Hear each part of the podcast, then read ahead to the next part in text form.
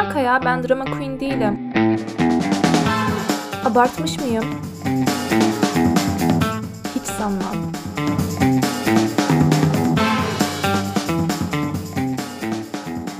Baktım herkes fikirlerini dile getiriyor. Ben neden getirmeyeyim ki dedim.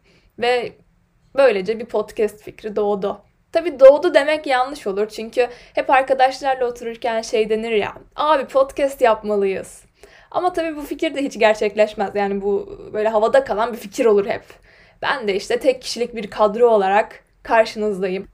Biraz kendimden bahsedeyim. Ben tıp fakültesi 3. E, sınıf öğrencisiyim. Ve evet ders çalışmam gereken zamanda podcast çekmekle uğraşıyorum. Çok da başarılı gitmiyor.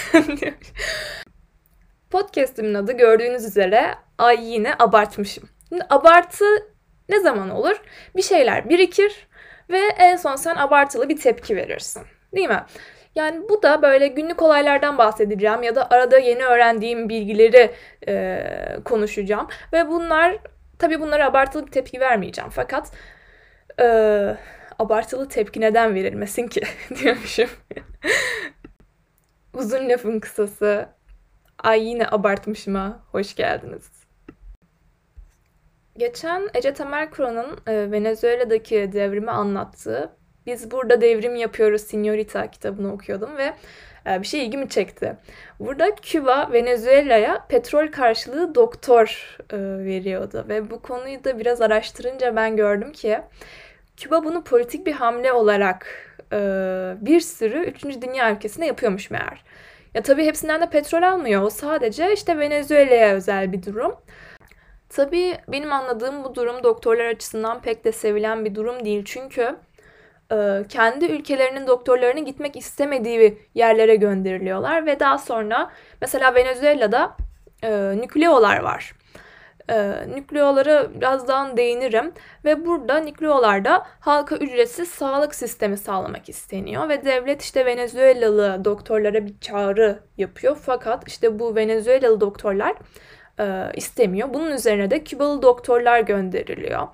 Venezuelalı doktorlar da bundan pek memnun kalmıyor. Bizim işimizi neden Kübalı doktorlara yaptırıyorsunuz diye de bir tepki gösteriyorlar. Chavez de diyor ki siz istediniz bunu. E tabi burada da Venezuela'nın günümüzdeki durumuna değinmiyorum.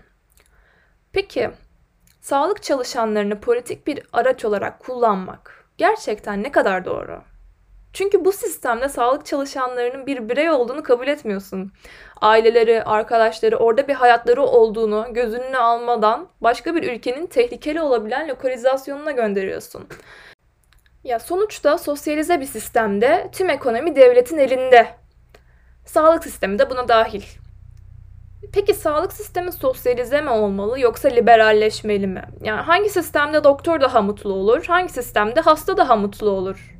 Peki hangi sistemde yöneticiler daha mutlu olur? Ve hani mesela Türkiye'deki sağlık sistemi bunlardan hangisi? Bunu biraz konuşabiliriz.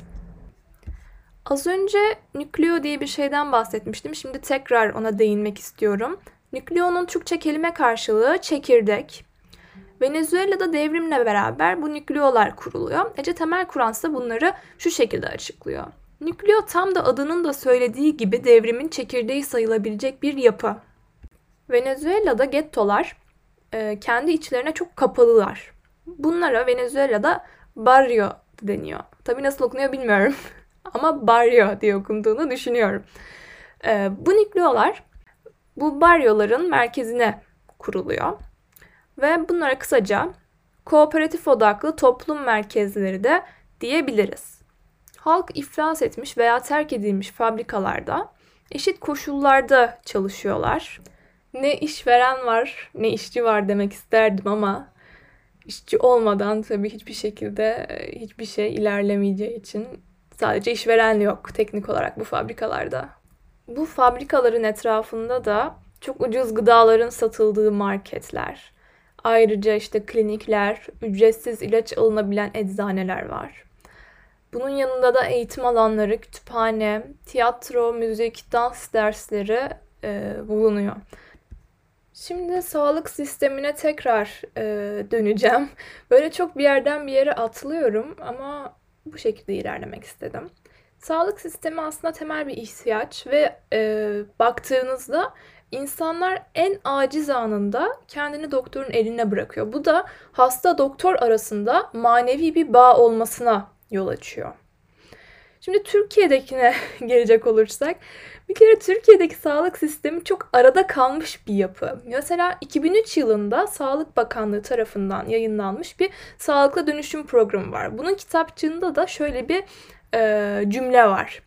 Sosyalizasyon politikasının bu ülkeye armağan ettiği sağlık ocağı ağını güçlendirirken vakıf ve dernekler başta olmak üzere özel teşebbüsün de hizmet ağında yer alması öngörülmektedir. Şimdi yani sosyal bir sağlık sistemi zaten vardı diyor. Peki bunu bu sistem daha iyiye mi gitti? Yani bazılarına göre tartışılır bu. Bazılarına göre tartışılmasına bile gerek yok. Artık ne düşünüyorsunuz bilemeyeceğim. Ama kısaca özel sektöre büyük bir oranda destek verildi. Peki, özel sektörde kazanan kim? Ameliyat karşılığında hastaneye ödenen miktarın sizce yüzde kaçını alıyor doktorlar? Yani fark ettiyseniz hedef gösterilen kişi hep doktorlar. Peki parayı veren düdüğü çalar mı? Yoksa parayı alan mı düdüğü çalar? Tanıdığım bir doktor şöyle diyordu.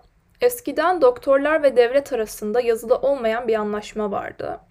Yani eskiden doktorların iş yükü fazlaydı evet ama devletin dışında da çalışarak para kazanabiliyorlardı. Ve e, para kazandıkları için de bu iş yükünün ağırlığına karşı gelmiyorlardı. Şimdi de günümüzde hem doktorların para kazanmasının önüne geçildi hem de doktorların vicdanları e, bir argüman olarak kullanılarak e, sömürülüyorlar. Ve bu sömürülmelerinin karşılığını da alamıyorlar maalesef. evet ilk podcastimin sonuna geliyorum. Peki Suada bu kadar konuştun konuştun nereye bağlayacaksın diyebilirsiniz. Uzun lafın kısası arkadaşlar bırakın doktorlar gitsin densin. Doktorların Katar'a petrol karşılığı satılmasından iyidir. Tabii düşük bütçeyle bu kadar oluyor demek isterdim ama Mac fiyatları da almış başını gitmiş pek düşük bütçeli olmadı.